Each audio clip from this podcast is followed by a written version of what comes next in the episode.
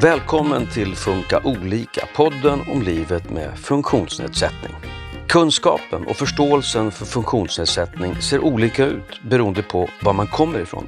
Vi träffar Rezan Mohammed som tog sig till Sverige från Irak med sin dotter Sara som idag har diagnoserna intellektuell funktionsnedsättning och cerebral pares. Väl i Sverige fick resan bland annat hjälp av två logopeder som har lång erfarenhet av att arbeta med vuxna och barn från andra kulturer. Eh, det är många som eh, jag känner, de, är, de har handikapp, två, tre barn hemma. Men de, kan, de har inte den här stöden.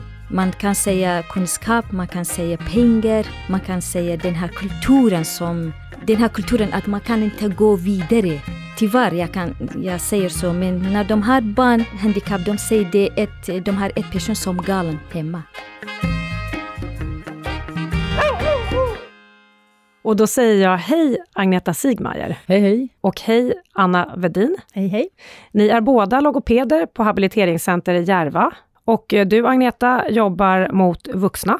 Ja, från 18 år och uppåt. Och Anna, du jobbar med barn. Och Jag jobbar med barn och ungdomar. Och eh, de flesta av era patienter kommer från länder utanför Europa.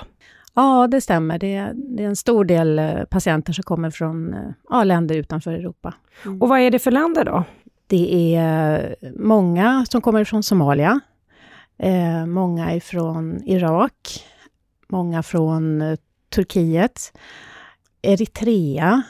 Ja, det är väl... Jag tror att det är de största. De största? Ja, målgrupperna, mm. eller därifrån man kommer. Och det är så många som upp till 90 procent av alla era ja, patienter? På ett ungefär. Ja, på ett ungefär är det så. Och så säger jag hej också till dig, Rezan Mohammed. Hej hej! Du är född i Kurdistan, i en stad som heter Arbil, som ja. ligger i Irak. Ja, det stämmer. Och du kom till Sverige för ungefär 20 år sedan. Och anledningen till att du kom hit är på grund av din dotter Ja, det Sara. stämmer. Ja, det stämmer. Och det är det vi ska prata om idag, bland annat. Men först ska jag säga att jag heter Susanne Smedberg. Eh, Resan, vill du berätta lite om din dotter? Vem är Sara? Eh, Sara Faris heter det, min äldsta dotter. Hon är född eh, 1995 i Erbil under kriget. Eh, hon fått ett, eh, har ett stort handikapp. Det påverkar hennes eh, kommunicera, hennes tal. Hon har eh, eh, sin nedsättning.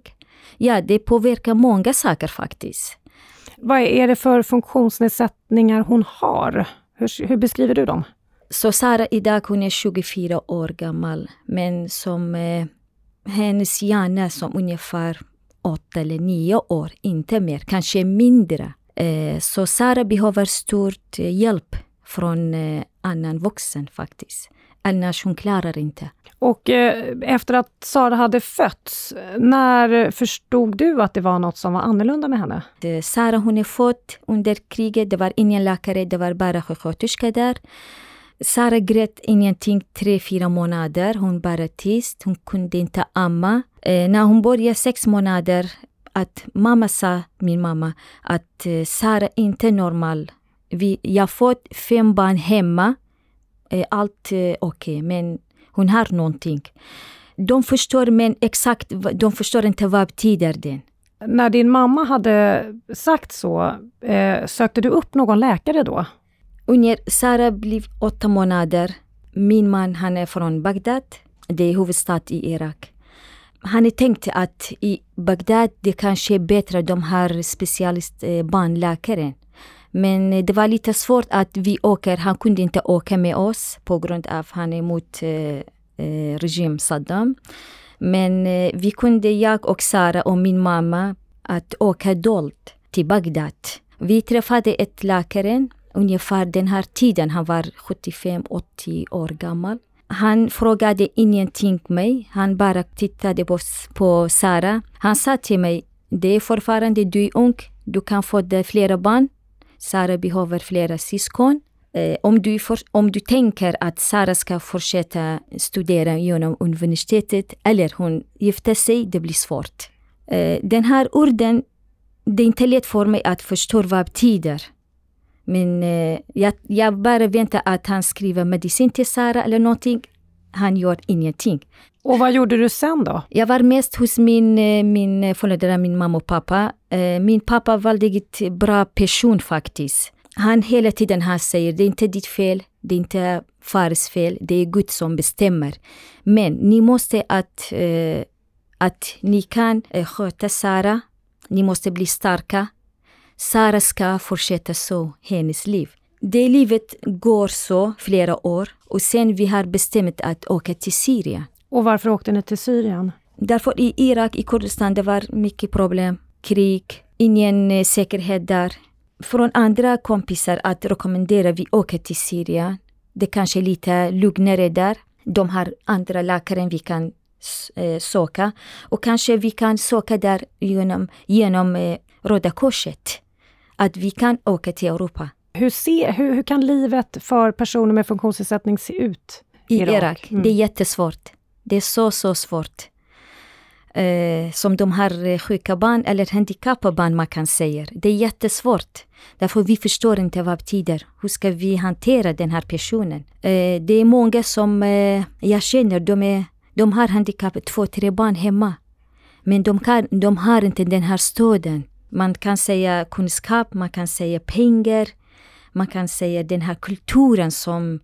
Den här kulturen att man kan inte gå vidare Tyvärr, jag, kan, jag säger så, men när de har barn, handikapp, de säger det ett, de har ett person som galen hemma. Många de kunde inte ta barnet till skolan, eller måste man skämma sig att gömma sig barnen. Vi, har, vi kan inte säga vi har ett sjuka barn eller handikappat barn. Det skäms. Ja, jag blir jätteledsen när jag kommer ihåg My God, det är jättesvårt. När du kom till Syrien, då träffade du ny läkare. Och vad sa läkarna där? Vi har frågat mycket faktiskt där också, att vi kan hitta någon att Sara blir bättre. Därför Sara ungefär tre och ett halvt år, fyra år, då hon började gå. Vi, vi känner att Sara det är svårt, men vi vet inte hur ska vi hantera med Sara, eller vi, hur ska vi att Sara blir bättre. Därför vi som vuxna vi behövde den här kunskapen. Vi har träffat ett barnläkare. Först han, han började med ett eh, special eh, som att de kan titta på hennes hjärna. Eh, Någon slags röntgen? Ett, som röntgen, ja. De har, de har sagt att Sara har syrebrist när hon är född. Som han rekommenderar oss att eh, om vi har råd, om vi har eh, någon hjälp, vi kan åka till Europa. Och han, han rekommenderar, jag kommer ihåg att i Europa de har ett särskolan. Sara ska inte bli bättre, Sara ska inte bli bra, men Sara kan lite gå vidare. Som nu jag förstår, den här läkaren, han hade kunskap, eh, han var jätteduktig. Men han behövde också att lite mer kunskap. Därför i Syrien vi har sökt många skolan, många förskolan att passar Sara, men det var ingenting passar Sara. Men det var en förskola vi har hittat, eh, en månad Sara hon stannade, men jag går med Sara. Därför andra barn, de är vanliga barn, de pratar, de leker, men Sara kunde inte göra någonting. Eh, de sa det är bra om du är med Sara hela tiden. Jag sa okej. Okay jag ska med. Vi, vi har sökt till Röda Korset Eh, de har bestämt att Sara måste åka, men det är inte lätt vilken land att passar Sara. Och det är inte lätt man kommer in, men de har specialläkare. Eh, de träffar föräldrar, träffar sjuka barn. När de träffar, de vet att den här personen behöver åka eller inte. Från första besöket, de sa det Sara behöver. Men det tar tid. Vi har eh, stannat ungefär fyra år i Syrien. Agneta och Anna, vad tänker ni av det resan har berättat? Har ni hört den här bakgrunden tidigare? Nej, jag har inte gjort det. Jag blev väldigt eh, tagen måste jag säga, resan. Så att, eh, jag har inte hört den här historien förut. Ja, jag tänker att det resan berättar, just din historia, resan, kände inte jag heller till så mycket om. Men däremot påminner den om andra barn och ungdomar och föräldrar som vi träffar. Det är flera som, som har liknande historier. Eh, med sig. Så, att, eh, så det känner jag igen. Men är det så att eh, en del kommer hit eh, just för att man kan få hjälp för barn med funktionsnedsättning till exempel? Ja, det hör vi ju ganska ofta ja. ibland när vi startar upp med nya familjer som kommer, att, att det finns en, en tilltro till, till svensk sjukvård och svensk, svensk hjälp om man har ett barn med funktionsnedsättning. Kan ni ge exempel på olika personer ni eh, träffar? Jag kommer att tänka på en familj som jag har träffat en del, som har två flickor eh, som kommer från ett annat land än du resan. Och eh, där sa de precis samma sak, att när vi kom till Sverige så kunde vi visa våra flickor. Det kunde vi inte göra i hemlandet, utan de var inlåsta i princip. Så att eh, hon sa precis som du, att det var här, att här fick vi hjälpen. De fick gå i skolan. Det fanns inte en chans att de skulle överhuvudtaget kunna komma till en skola. Uh, och de här flickorna är på en, en intellektuell funktionsnivå som är lägre. Uh, så att uh, jag, jag kände igen det där jätteväl, att det fanns en sån skam i att visa sina barn. Och här var det helt okej. Okay. Och här pratar vi om att man kan utvecklas utifrån, ja, utifrån den potentialen man hade. Jag, jag kommer också tänka på en, en förälder som kom till Sverige med sin tonårsson. Eh, en tonårsson som har Downs syndrom. Och hon, hon berättade någonting som, som tog tag i mig väldigt mycket och det var att hon hon sa att nu kan jag gå med min son på stan eh, här i Sverige. Vi kan gå på Centralen. Det är ingen som tittar konstigt på honom. Det är ingen som slår till honom eller på något vis utsätter honom, utan han, jag kan gå med honom. Han, är, han räknas som människa och det kunde jag inte göra i, i mitt hemland. Är det mest familjer som ni träffar eller kan det komma vuxna personer också? Det kommer både ensamkomna barn eller ungdomar som ibland eh, har en familj eller släkting i Sverige. Men ibland kommer de själva och så kommer släkten efter, men ibland kommer ingen. Eh, så det är olika, men det är nog mer att det kommer ungdomar själva än det kommer en en vuxen person. Och vad är det för funktionsnedsättningar det oftast handlar om? Det är flera funktionsnedsättningar. Det är intellektuell funktionsnedsättning, är en, en har vi många. Eh, vi har autismproblematik, rörelsenedsättnings... Eh, ja. Rörelsenedsättningar. Genetiska eh, sjukdomar kan man säga som har påverkat den också rent fysiskt och psykiskt. Mm. Eh, så är det. Och ibland kan det vara så att man, man, man inte riktigt vet. Man, man ser en annorlunda utveckling, en sen utveckling, men det kanske inte har fått en, en formell diagnos. Man ser en sen utveckling hos ett litet barn till exempel, och då, de kan också komma till oss. Kan de ha någon diagnos innan de kommer, eller får de diagnos ofta när de kommer till er? Ja, när det gäller de vuxna så kan det vara så att jag tror att eh, då är det lite vanligt att man har en, en intellektuell funktionsnedsättning eller det visar sig att man har det. Man faller ut, gans, inte snabbt, men sakteligen när man kommer till Sverige. För är man ungdom så erbjuds man att gå i skolan. Och det är där det oftast upptäcks att man inte hänger med. Och att det inte alltid bara är den språkliga delen, men det är ganska svårt ibland att veta, är det språket, är det en annan kultur eller är det faktiskt någonting annat? Och det kan ibland vara en, en utmaning för både personen själv och föräldrarna.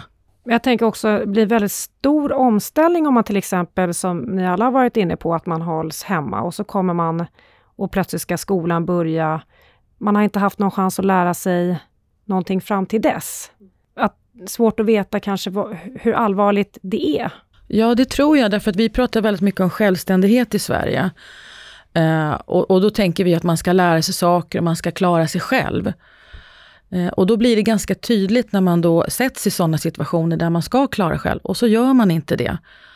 Eh, för om man då, det är ju olika självklart, men det kan ju vara att man har ett större omhändertagande när man kommer från andra länder. Då märks det inte lika tydligt kanske. Men här är det, du ska vara själv och du ska klara de här sakerna. Och då gör man inte det. Och det, där blir det mer att man blir inom parentes mer, om man säger handikappad när man kommer till Sverige. När man inte har sett det innan. Men det, det, är också så här, apropå, man kan också ha väldigt mycket funderingar om man har ett barn med funktionsnedsättning. Och man, man, det är kanske är väldigt nytt för en som familj. Vad, vad, är det här och hur ska mitt barn utvecklas?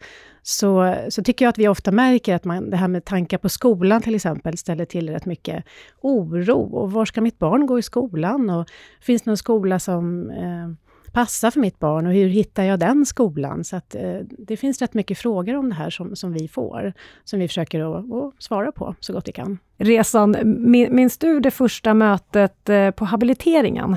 Hur var det? Jag kommer inte ihåg exakt, men första möten, det var jag och Sara. Den här tiden som jag förstår inte själv. Vad betyder habiliteringscenter? Vad betyder den här kunskapen? De har börjat faktiskt från, från nolla med Sara. Att eh, de kunde att eh, förklara att Sara, hon har den här eh, eh, svåriga... Men den är, det är inte lätt att vi förstår, jag och min man. Hur ska vi? Men eh, från den här första möten att vi har fått många mm, eh, tider att vi besöker till habiliteringscenter. Att Sara, eh, hur ska hon eh, börja teckna eller kurser till teckenspråk till mig. Och eh, faktiskt, jag säger det är sanningen som, som jag, vi får någon problem, direkt jag ringer till habiliteringscenter. Eh, det är så, de lyssnar mig jättemycket, de hjälper direkt, de, eh, de gör ett tid, vi måste gå där, prata med varandra, hur vi kan få hjälp. Det är så, jag säger till mina kompisar, säg till andra, det är så, så viktigt att man har kontakt med habiliteringscenter. Man blir mår jättebra. Om vuxna mår bra, barnen också blir bra. En av anledningarna till att ni kom till Sverige var att få hjälp för Sara. Men vad hade du för förväntningar när du kom till habiliteringen? Vad trodde du att du kunde få hjälp med? Det, ibland jag tänker den här eh, eh frågan att jag tänkte Sara kanske blir 100% som andra barn. Att hon kan eh, bli frisk, gå till skolan ensam utan hjälp. Men var, efter varje dag, varje dag, att vi känner att Sara kan inte. Men vi har bestämt, jag och min man, att vi måste bli starka. Vi måste hjälpa Sara också. Att vi kan gå vidare, annars vi kan inte gå vidare. Därför jag känner många familjer de har separat på grund av deras barn. faktiskt. Det är inte lätt. Agneta och Anna, eh, när man kommer till er så här första gången, eh, hur kan ett sånt möte se ut?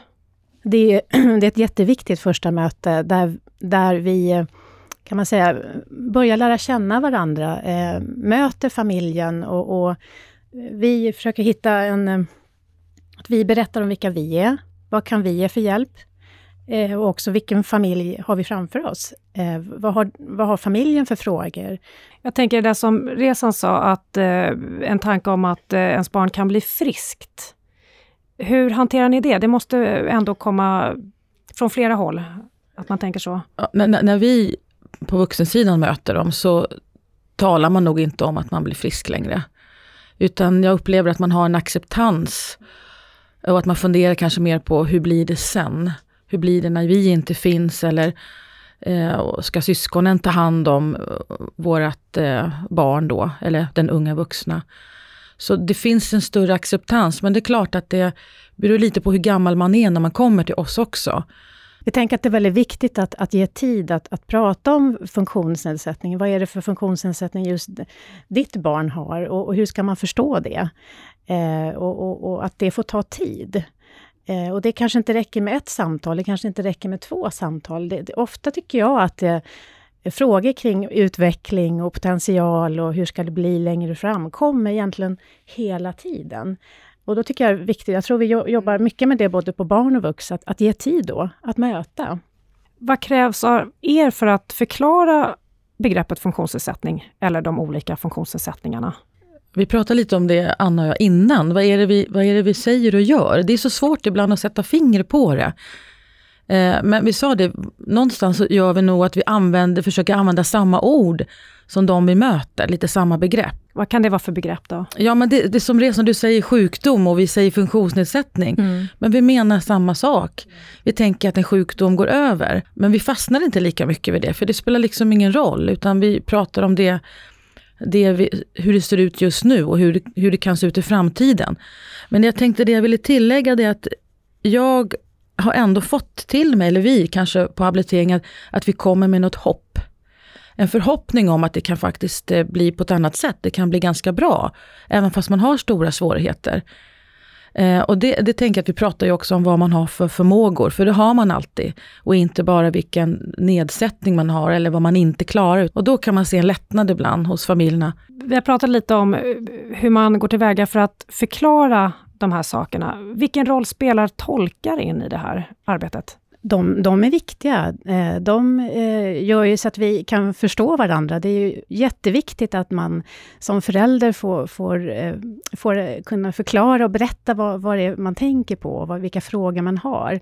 Och det är lika viktigt att när vi ska möta de frågorna, att vi, att vi, att vi förstår varandra. Så att de, de är en, en stor del i vårt, i vårt arbete. Hur vet ni när någon har förstått vad funktionsnedsättningen ja, det, innebär?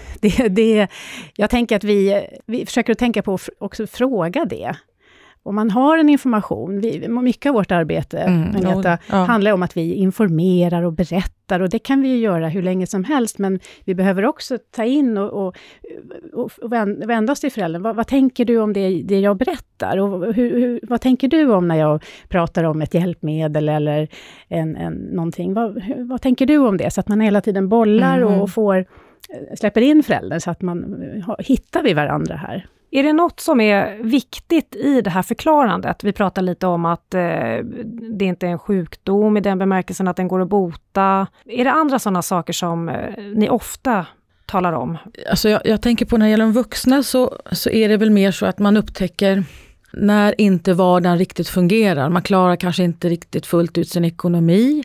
Man klarar kanske inte riktigt av att eh, ha ett jobb fullt ut. Och då får man möta det också. Det är nästan där när, på vuxensidan som man, de kommer tillbaka efter ett antal år när man har avslutat skolan eller då man förstår att okej, okay, det här var mina svårigheter.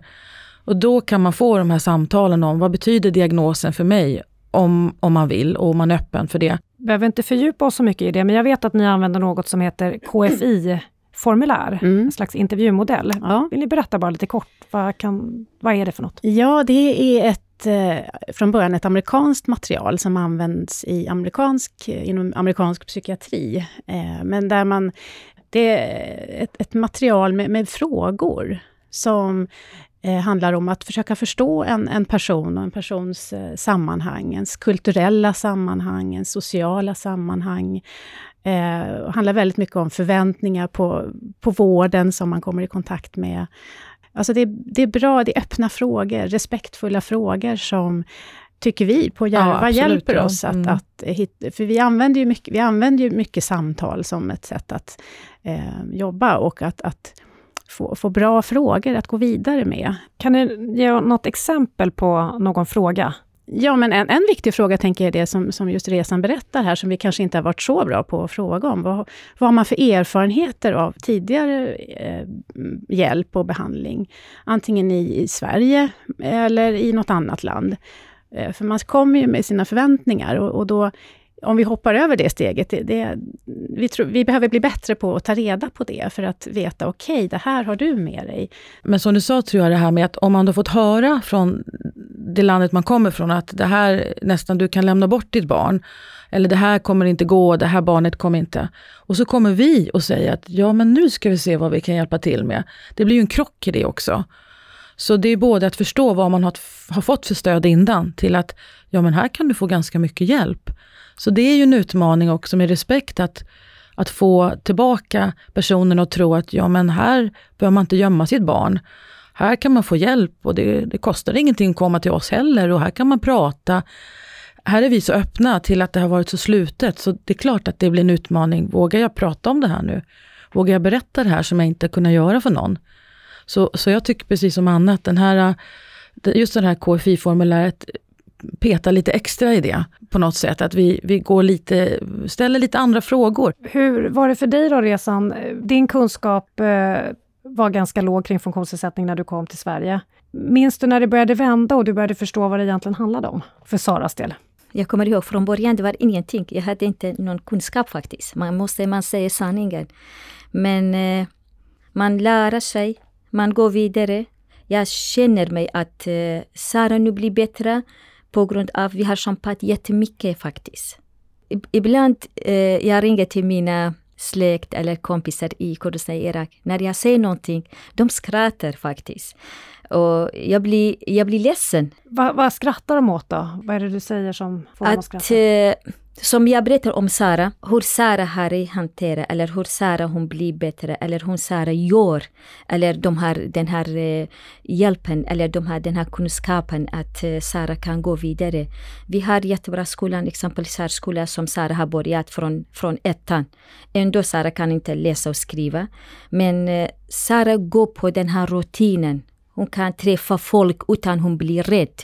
Jag kan släppa Sara där i skolan utan att jag tänker att bli händer någonting. Hur ser hennes liv ut idag? Hon eh, går inte i skola längre. Eh, hon är klar med gymnasium, SARS eh, gym- gymnasium.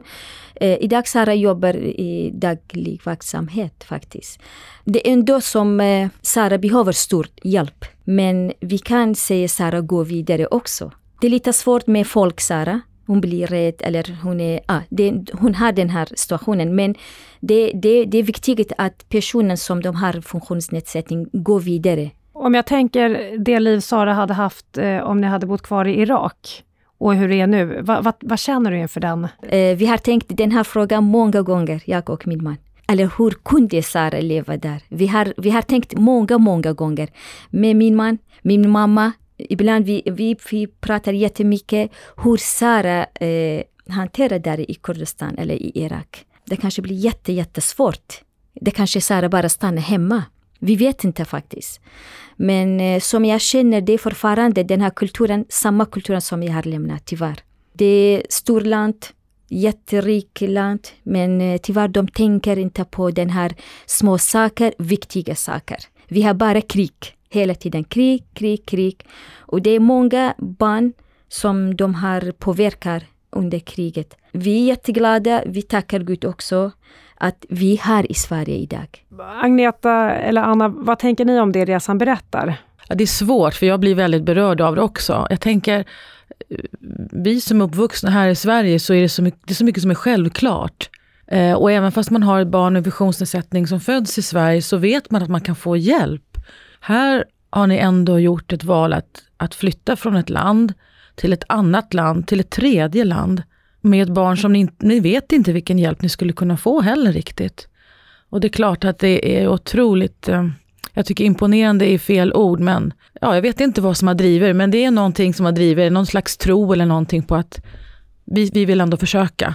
Det är, det är ett otroligt steg som ni tog när ni valde, tänker jag. Och det, och det är inte så ofta vi får höra den här historien. Vi förstår att man har gjort ett aktivt val någon gång.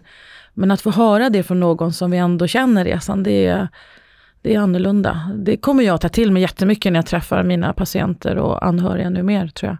N- när ni ger hjälp då, i vilken ände brukar ni börja? Ja, men vi, vi brukar börja med att, och, jag vill kalla det för kartlägga. Vad, vem är den här personen? Vad finns det för frågor kring den här personens funktionsnedsättning?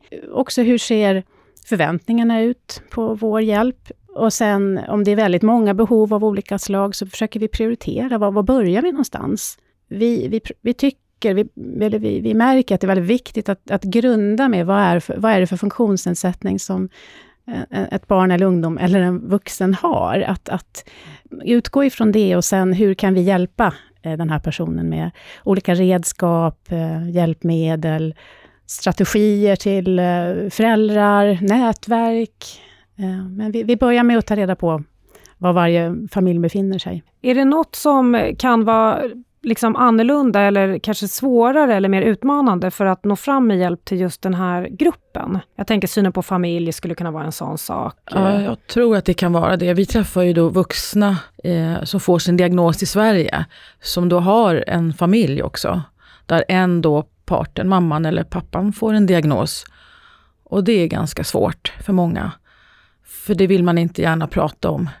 Och där är det mycket svårare att komma in med stöd i det läget. Men när man kommer till oss tänker jag också att många, på, inte många, men en del på vuxensidan vet ju inte varför de kommer. Och då brukar vi ställa frågan, vet du varför du är här? Eh, det är inte ovanligt att man faktiskt inte vet. Och man har inte heller riktigt förstått att man har fått en diagnos, vad det innebär. Ibland vill man inte prata om det, ibland är man, jo jag förstår att jag har svårt. Så att det, det, det är ett, som du säger, kartläggande också, en, eh, någon slags eh, ja, respekt också för människor. Det är, inte, det är inte alla som vill komma, man vill kanske inte komma till oss ens, men nu har man det här och då försöker man möta det. Och sen, sen så, det, det, som också kan försvåra ibland, det är ju att eh, många familjer som, som kanske är nyanlända, eh, har ännu inte riktigt kanske rotat sig i Sverige, kanske har oklar bostadssituation. Mång, många som vi möter är väldigt trångbodda eh, och kanske har ja, inte liksom fått jobb eller känner att den ekonomiska situationen är trygg.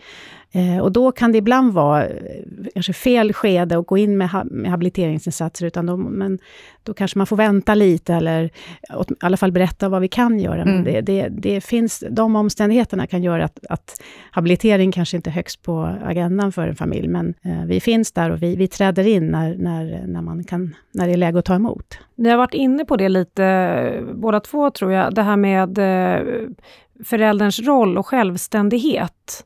Kan man se det som ett eh, misslyckande med att ta emot hjälp?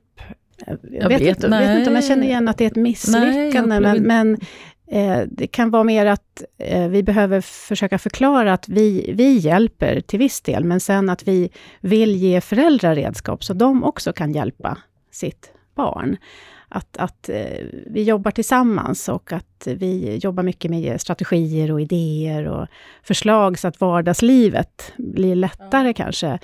Eh, det är ju en slags hjälp, eh, men sen kanske man har förväntning på ibland att vår hjälp ska vara kanske mer som sjukvård, att man kommer och tränar och tränar upp färdigheter hos oss. Så det, det kan vi behöva reda ut och prata om, så att vi hittar, hittar varandra där. Ja, precis. Jag tänker på det där med, med att att kunna träna sig på, på att bli lite mer självständig. Till att, nej men han eller hon klarar ingenting. Eh, och där kan det vara en utmaning ibland att säga, ja men man kan nog klara lite. Och tilltron till att det kan bli på ett annat sätt, det tycker jag kanske att det är utmaningen.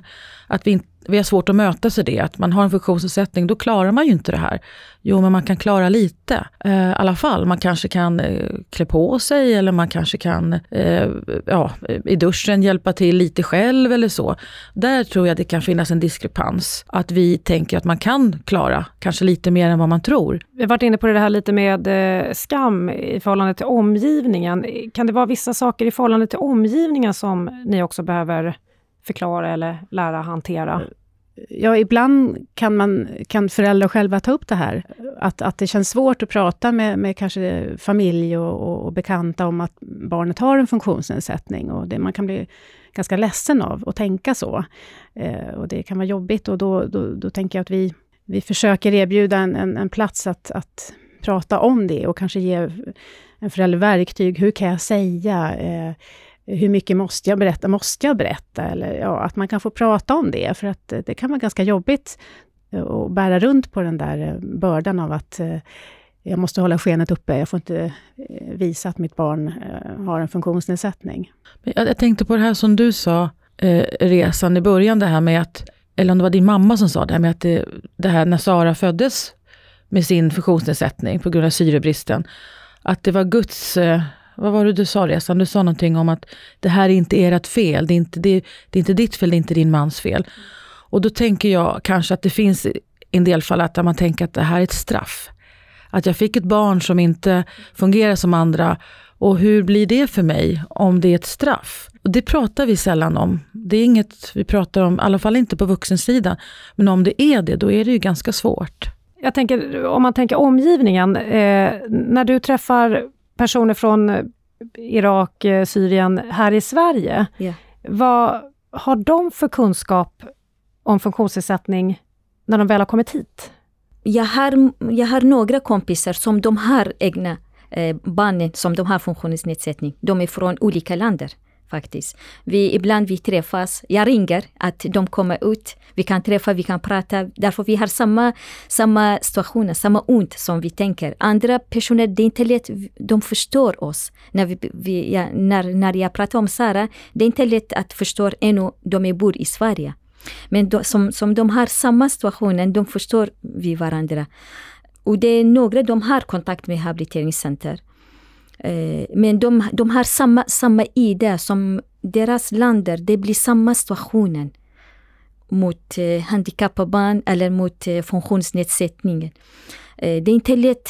Därför den måste man börja från nolla, de jobbar hårt. Vi ska börja avrunda snart här, eh, men det här med att börja från noll. Jag tänker det är annorlunda också för er att möta personer som tänker lite andra. Har ni behövt handskas med egna fördomar i det här arbetet?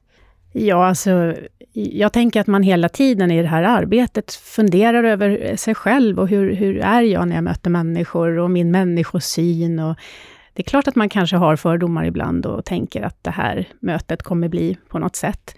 Eh, och då får man, eh, dels får man prata med varandra eh, som kollegor, och, men sen också hålla en aktiv dialog med sig själv och tänka, försöka bibehålla nyfikenheten, tänker jag. Att vad är det för människa jag möter här? Och jag kan ju faktiskt inte veta eh, vad, vad, den här personen ska berätta för mig. Så jag tänker att det är en nyfikenhet och en öppenhet och mm, ställa öppna frågor för att få eh, få veta det som jag behöver. Mm. Ja, vi får ju inte alltid kanske de svaren om man träffar en svensk familj så kan vi ju prata i nyanser på ett annat sätt och så. Eh, därför den här KFIn som vi tagit upp, att vi arbetar på det sättet för att vi förstår att det, när vi inte förstår så måste vi kolla på det en gång till. Så att man behöver hela tiden ha en egen självreflektion och ransaka sig och prata om det. Vi har pratat mycket om eh, att det inte alltid finns så hög kunskap om funktionsnedsättning. Men är det någonting som vi själva kan lära oss av den här målgruppen?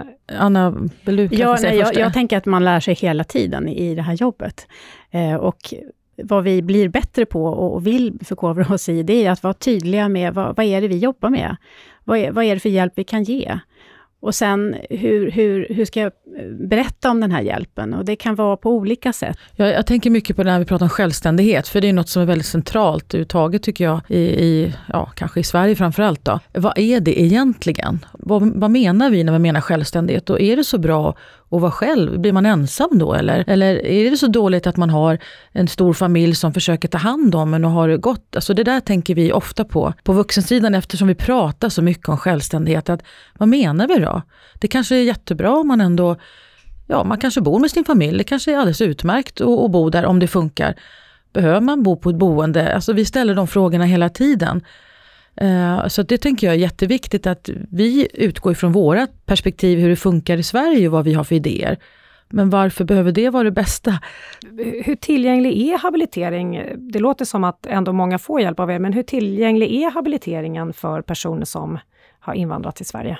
Den ska ju vara lika tillgänglig för eh, nyanlända och, och, personer som har kommit till Sverige som för svenskar. Alltså det är ju samma. Så, så det ska inte, vi ska finnas där. Eh, och sen att eh, vårt arbete ska vara oavsett etnisk bakgrund. Tolk när man behöver, att, eh, men att försöka möta varje familj där de är och sen höra hur, hur ser möjligheten att ta emot då vår hjälp. Den kan ju då vara lite påverkad då av det här, till exempel om man inte kanske har, har bra bostad eller är väldigt orolig för sin ekonomi eller kanske en, en familjemedlem som kanske inte har fått uppehållstillstånd. De sakerna påverkar ju. Men jag tror att det finns ett mörkertal där ute. Eh, och sen vet man inte vad det beror på. Om det finns det inte behov att få det här stödet eller vet man inte det? Det vet jag inte. Det, det pratar vi också om, att det, det finns säkert en hel del familjer som skulle kunna få stöd hos oss, men som inte hittar dit eller kanske inte överhuvudtaget befinner sig i vården på något sätt och får inte information. Vi vet inte det faktiskt. Och eh, då säger jag stort tack till dig, Resan Mohammed. Tack eh, för dig, för alla. Tack så mycket. Tusen tack. Eh, och stort tack Agneta Sigmeier och Anna Vedin, logopeder på Habiliteringscenter Järva. Tack för att vi fick komma. Tack så mycket. Och tack till dig som har lyssnat. Du har lyssnat på Funka olika, en podd från Habilitering och hälsa som är en del av Region Stockholm. Det här var sista avsnittet om att prata om funktionsnedsättning, men vi är snart tillbaka med nya avsnitt om olika typer av problembeteenden och hur man kan arbeta med dem. Vi börjar med ett toaproblem. Hur gör man en toaträning med ett barn som inte vill eller förstår poängen med att gå på toaletten? Det får du lära dig i nästa avsnitt, så missa inte det.